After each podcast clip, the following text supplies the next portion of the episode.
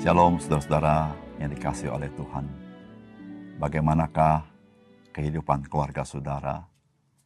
Bagaimanakah kehidupan pernikahan saudara? Di dalam pernikahan, Tuhan ingin memberkati hidup kita. Bahkan ingin menjadikan kita berkat bagi orang lain. Marilah kita menikmati kehidupan rumah tangga kita. Salam jumpa dalam program Tuhan adalah gembalaku. Sebagai orang percaya, kita tahu bahwa pernikahan merupakan berkat daripada Tuhan.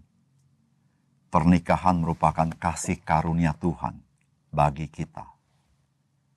Tapi bukan itu saja. Pernikahan juga ada misi Tuhan di dalamnya. Hal ini kita tahu bagaimana Allah menciptakan manusia laki-laki dan perempuan, lalu Allah memberikan mandat kepada mereka. Namun saudara-saudara, kalau kita memperhatikan Alkitab, maka manusia sering kali lupa akan mandat itu. Maka Allah membinasakan manusia dan hanya menyisakan Nuh dan keluarga. Apa yang terjadi? Allah pun memberikan mandat kepada Nuh dan keluarga sebagaimana Allah memberikan mandat kepada Adam dan Hawa. Saudara, pernikahan merupakan sesuatu kebahagiaan hidup kita. Tapi kita tidak boleh lupa ada misi Allah di dalam kehidupan pernikahan kita. Mari kita membaca firman Tuhan dari Kejadian pasal 24. Adapun Abraham telah tua dan lanjut umurnya, serta diberkati Tuhan dalam segala hal. Berkatalah Abraham kepada hambanya yang paling tua dalam rumahnya, yang menjadi kuasa atas segala kepunyaannya, katanya, Baiklah letakkan tanganmu di bawah pangkal pahaku, supaya aku mengambil sumpahmu demi Tuhan, Allah yang empunya langit dan yang empunya bumi, bahwa engkau tidak akan mengambil untuk anakku seorang istri dari antara perempuan Kanaan, yang di antaranya aku diam. Tetapi engkau harus pergi ke negeriku dan kepada sanak saudaraku untuk mengambil seorang istri bagi Ishak anakku. Lalu berkatalah hambanya itu kepadanya, Mungkin perempuan itu tidak suka mengikut aku ke negeri ini. Haruskah aku membawa anakmu itu kembali ke negeri dari mana tuanku keluar? Tetapi Abraham berkata kepadanya, Awas, jangan kau bawa anakku itu kembali ke sana. Tuhan Allah yang empunya langit yang telah memanggil aku dari rumah ayahku, serta dari negeri sanak saudaraku, dan yang telah berfirman kepadaku, serta yang bersumpah kepadaku, demikian, kepada keturunanmu lah akan kuberikan negeri ini. Dialah yang akan mengutus malaikatnya berjalan di depanmu, sehingga engkau dapat mengambil seorang istri dari sana untuk anakku. Tetapi jika perempuan itu tidak mau mengikuti engkau, maka lepaslah engkau dari sumpahmu kepadaku ini. Hanya saja janganlah anakku itu kau bawa kembali ke sana. Lalu hamba itu meletakkan tangannya di bawah pangkal paha Abraham, tuanya itu, dan bersumpah kepadanya tentang hal itu. Kemudian hamba itu mengambil sepuluh ekor dari unta tuanya dan pergi dengan membawa berbagai-bagai barang berharga kepunyaan tuanya. Demikianlah ia berangkat menuju Aram Mesopotamia ke kota Nahor. Di sana disuruhnyalah unta itu berhenti di luar kota dekat suatu sumur. Pada waktu petang hari, waktu perempuan-perempuan keluar menimba air. Lalu berkatalah ia, Tuhan, Allah Tuanku Abraham, buatlah kiranya tercapai tujuanku pada hari ini. Tunjukkanlah kasih setiamu kepada Tuanku Abraham. Di sini aku berdiri di dekat mata air, dan anak-anak perempuan penduduk kota ini datang keluar untuk menimba air. Kiranya terjadilah begini, anak gadis kepada siapa aku berkata, tolong miringkanlah buyungmu itu, supaya aku minum. Dan yang menjawab, minumlah, dan unta-untamu juga akan kuberi minum. Dialah kiranya yang kau tentukan bagi hambamu Ishak. Maka dengan begitu akan kutahui bahwa engkau telah menunjukkan kasih setiamu kepada tuanku itu. Sebelum ia selesai berkata, maka datanglah Ribka yang lahir bagi Betuel, anak laki-laki Milka, istri Nahor, saudara Abraham. Buyungnya dibawanya di atas bahunya. Anak gadis itu sangat cantik parasnya. Seorang perawan belum pernah bersetubuh dengan laki-laki. Ia turun ke mata air itu dan mengisi buyungnya, lalu kembali naik. Kemudian berlarilah hamba itu mendapatkannya serta berkata, Tolong beri aku minum air sedikit dari buyungmu itu. Jawabnya, minumlah Tuan.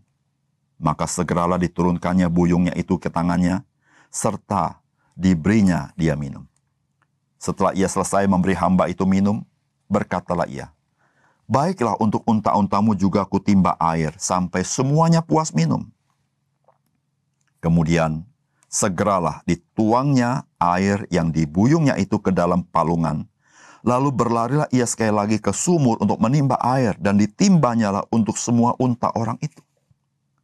Dan orang itu mengamat-ngamatinya dengan berdiam diri untuk mengetahui apakah Tuhan membuat perjalanannya berhasil atau tidak.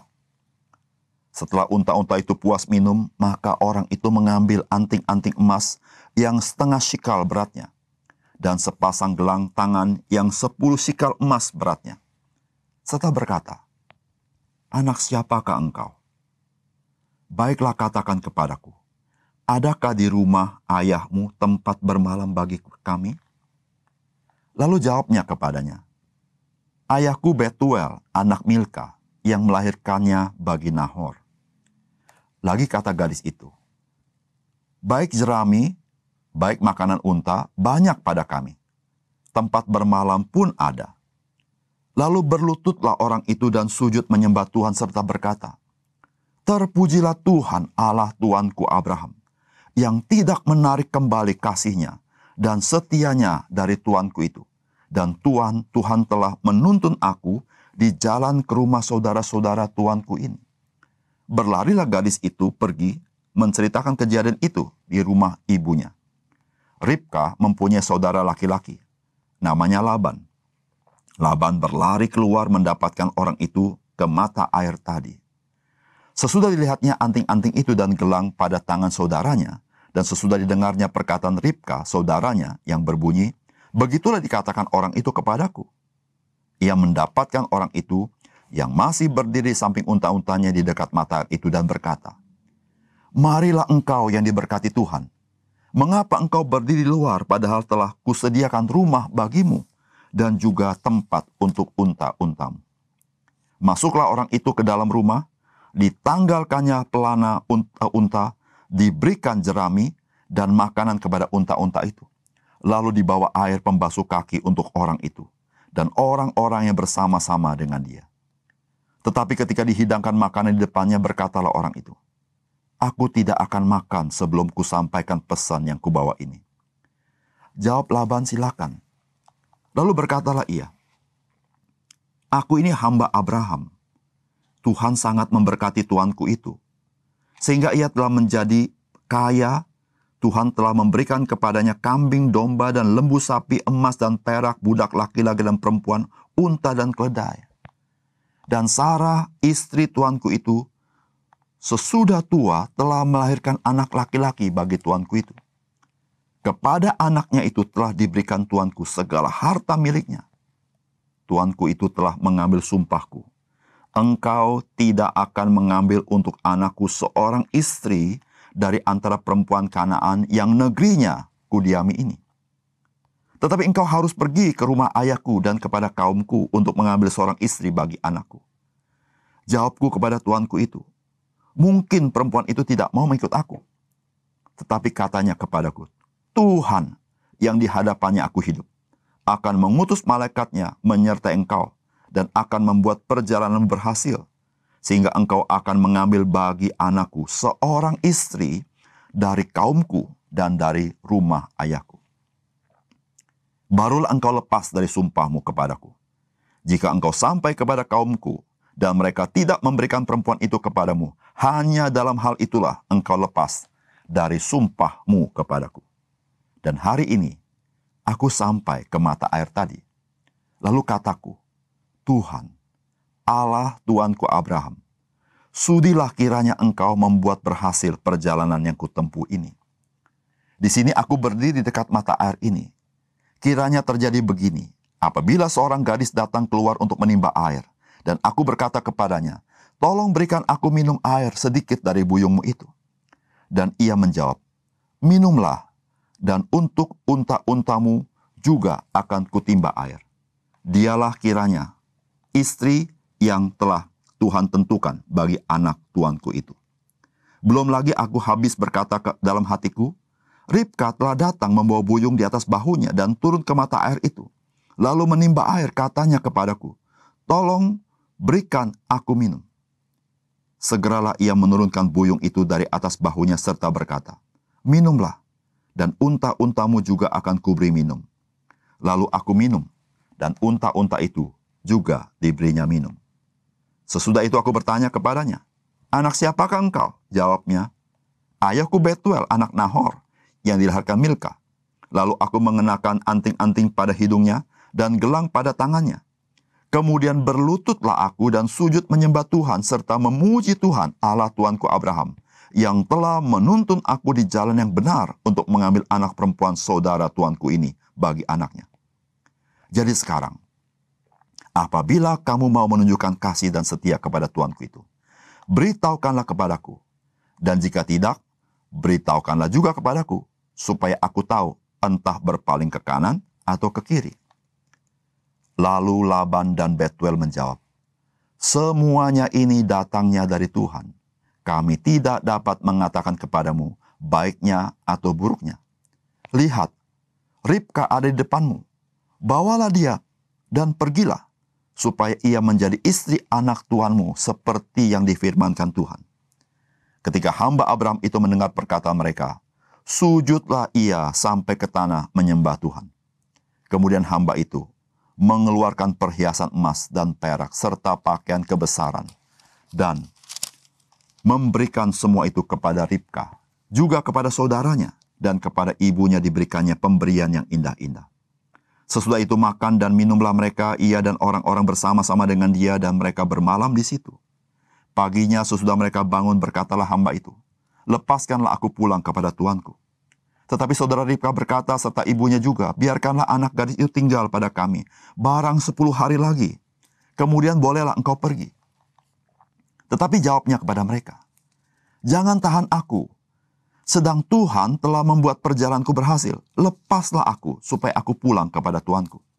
Kata mereka, baiklah, kita panggil anak gadis itu dan menanyakan kepadanya sendiri. Lalu mereka mengambil Ribka dan berkata kepadanya, Maukah engkau pergi beserta orang ini? Jawabnya mau. Maka Ribka, saudara mereka itu, dan inang pengasuhnya beserta hamba Abraham dan orang-orangnya dibiarkan mereka pergi. Dan mereka memberkati Ribka, kata mereka kepadanya, Saudara kami, moga-moga engkau menjadi beribu-ribu laksa, dan moga-moga keturunan menduduki kota-kota musuhnya. Lalu berkemaslah Ribka beserta hamba-hambanya perempuan, dan mereka naik unta mengikuti orang itu. Demikianlah hamba itu membawa Ribka, lalu berjalan pulang. Adapun Ishak telah datang dari arah sumur Lahai Roy. Ia tinggal di tanah Negeb. Menjelang senja, Ishak sedang keluar untuk berjalan-jalan di padang. Ia melayangkan pandangnya, maka dilihatnya lah ada unta-unta datang. Ribka juga melayangkan pandangnya. Dan ketika dilihatnya Ishak, turunlah ia dari untanya. Katanya kepada hamba itu, Siapakah laki-laki itu yang berjalan di padang ke arah kita? Jawab hamba itu, dialah tuanku itu. Lalu Ribka mengambil telekungnya dan bertelekunglah ia. Kemudian hamba itu menceritakan kepada Ishak segala yang dilakukannya. Lalu Ishak membawa Ribka ke dalam kemah Sarah ibunya dan mengambil dia menjadi istrinya. Ishak mencintainya dan demikian ia dihiburkan setelah ibunya meninggal. Saudara yang dikasih oleh Tuhan, Abraham adalah seorang yang sangat diberkati Tuhan. Karena Allah membuat perjanjian kepadanya dan kepada keturunannya. Dan perjanjian Allah itu diteguhkan kembali, yaitu melalui Ishak, anak Abraham. Saudara, sebagaimana kita ketahui, Allah ketika membuat perjanjian, itu merupakan hak istimewa bagi seseorang. Demikianlah hak istimewa itu diberikan kepada Abraham dan juga kepada Ishak. Namun bagaimana sikap Abraham terhadap perjanjian yang Allah berikan kepadanya dan kepada keturunnya Ishak? Saudara, inilah kisahnya yang kita baca di dalam kitab kejadian ini. Apakah pesan firman Tuhan hari ini bagi kita? Saudara yang pertama-tama, saudara. Saudara, pernikahan atau perkawinan merupakan bagian dari rencana Tuhan untuk menjadikan keluarga orang percaya berkat di dalam dunia ini. Saudara, perkawinan menjadi perkara yang sangat penting dan harus kita berhati-hati. Demikianlah Abraham ketika mencarikan jodoh bagi Ishak. Abraham melarang hambanya mencarikan jodoh bagi Ishak dari orang-orang Kanaan. Tetapi Abraham menginginkan bahwa Ishak mempunyai istri dari sanak familinya sendiri. Kenapa? Karena ada misi Tuhan dalam pernikahan. Ishak tidak hidup untuk dirinya sendiri. Perkawinan Ishak bukan bagi dirinya sendiri. Meskipun Ishak berbahagia di dalam pernikahannya. Tetapi Allah ingin keturunan daripada anak-anak Ishak memegang perjanjian Tuhan. Dan perjanjian itu, saudara-saudara, adalah bukan sekedar memberkati orang-orang di mana Allah membuat perjanjian. Tetapi perjanjian itu supaya orang-orang ini menjadi berkat bagi orang lain. Saudara demikian juga dengan kita. Kita sebagai orang percaya memiliki perjanjian yang kekal di dalam Yesus Kristus. Saudara-saudara berkat itu bukan saja diberikan kepada kita, tetapi juga kepada keturunan kita. Dan berkat itu bukan sekedar berkat yang Tuhan berikan, tetapi juga ada misi. Di mana keturunan kita, Tuhan inginkan adalah keturunan-keturunan yang saleh, yang mencintai Yesus.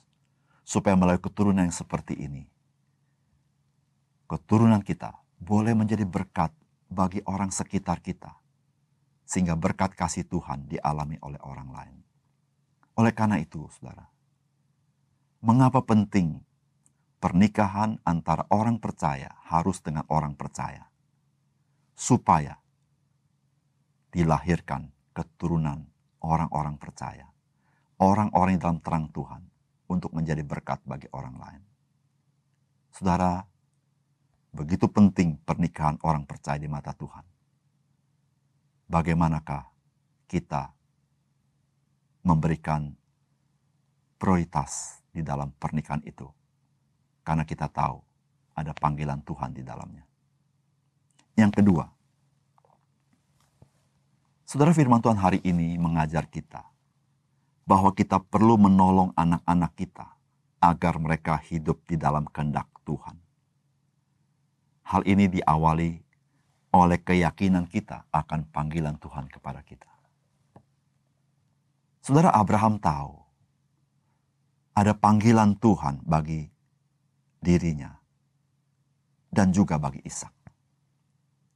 Dan Abraham tidak lepas tangan. Abraham menunjukkan tanggung jawab dia sebagai seorang ayah. Bagaimana membimbing Ishak untuk menatap masa depannya. Dia tidak membiarkan Ishak memilih sesuka hatinya dengan mengabaikan panggilan Tuhan dan perjanjian Tuhan. Saudara hari ini Mungkin kita pernah mendengar ada orang tua Kristen yang berkata, "Kami sangat demokratis di rumah ini. Silakan memilih apa yang kau mau pilih, sebebas-bebasnya." Saudara yang kasih dalam Tuhan, orang tua yang percaya Tuhan ketika berbuat seperti ini, dia menjadi orang yang tidak memiliki hikmat sorgawi, tetapi hikmat dunia ini bagi kita sebagai orang percaya, sebagai orang tua. Tuhan memberikan tanggung jawab kepada kita untuk kita membimbing anak kita supaya anak-anak kita hidup di dalam panggilan Tuhan, di dalam rencana Tuhan, di dalam kehendak Tuhan. Di situlah ketika Tuhan memberikan perintah kelima, hormatilah ayahmu dan ibumu. Di dalamnya terkandung orang tua harus menolong anak-anak hidup di jalan Tuhan. Saudara, kita yang tahu panggilan Tuhan. Kita yang tahu Tuhan begitu baik. Kita yang mengenal Kristus yang mati menanggung dosa kita. Kita yang mengalami hidup yang baru. Kita patut membagikan itu kepada anak-anak kita. Bahkan ketika anak-anak kita menatap masa depannya, kita bimbing mereka menatap masa depan mereka di dalam takut akan Tuhan. Yang ketiga, saudara. Saudara firman Tuhan hari ini mendorong kita supaya kita mendoakan pimpinan Tuhan terkait dengan pasangan hidup dari anak-anak kita. Saudara sering kali sebagai orang tua, kita lupa hal ini. Kita mendoakan kesehatan anak-anak kita. Kita mendoakan pendidikan anak-anak kita. Kita mendoakan pekerjaan anak-anak kita. Tapi satu hal yang suka kita lupa adalah kita tidak mendoakan lebih awal mengenai teman hidup daripada anak-anak kita. Namun kapankah kita mulai berdoa Ketika kita mulai tidak setuju dengan pasangan hidupnya, bukan? Kita mulai berdoa kepada Tuhan. Namun hari ini kita belajar. Abraham berinisiatif, bertindak lebih dahulu. Meminta kepada hambanya mencarikan jodoh bagi, bagi Ishak. Dan saudara perhatikan bagaimana hambanya itu berdoa kepada Tuhan, minta pimpinan Tuhan. Meminta tanda daripada Tuhan supaya Tuhan menunjukkan yang Tuhan berkenan. Saudara kita sebagai orang tua, mari kita mulai berdoa bagi anak-anak kita. Berdoa bagi pasangan hidup mereka.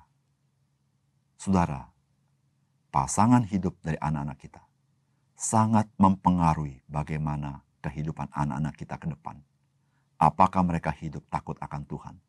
Apakah mereka hidup tetap mencintai Yesus dan melakukan panggilan yang Tuhan berikan? Saudara, selagi ada kesempatan, gunakan lutut kita, berdoa, minta pertolongan Tuhan bagi anak-anak kita. Mari kita berdoa. Bapak kami di surga, terima kasih untuk firman-Mu yang memberikan peringatan kepada kami bahwa perkawinan pernikahan bukan sekedar atas dasar suka atau suka atau kesenangan kami, tetapi ya Tuhan, pernikahan itu pernikahan kudus. Karena di situlah ada misi Tuhan di dalam pernikahan orang-orang percaya. Supaya kami melahirkan anak-anak yang saleh, yang mengenal Kristus, supaya melalui keturunan kami, dunia diberkati oleh Tuhan. Oleh berkat kasih Tuhan, berkat Injil bagi dunia ini. Ya Tuhan tolong kepada kami sebagai orang tua, supaya kami juga yang mempunyai anak-anak yang punya masa depan supaya kami mendoakan mereka. Kami membimbing mereka supaya mereka hidup takut akan Tuhan. Bahkan mereka mempunyai pasangan hidup. Pasangan hidup orang percaya yang memiliki panggilan Tuhan bersama-sama untuk menjadi berkat bagi dunia ini. Ya Tuhan terima kasih. Biarlah kami menghargai kehidupan pernikahan karena kami tahu pernikahan itu adalah pemberian Tuhan, karunia Tuhan, kepercayaan Tuhan. Tuhan terima kasih kami serahkan pernikahan kami ke dalam tangan Tuhan. Kami menyerahkan kehidupan keluarga kami ke dalam tangan Tuhan, termasuk anak-anak kami dan pasangan hidupnya. Dalam nama Tuhan Yesus kami berdoa.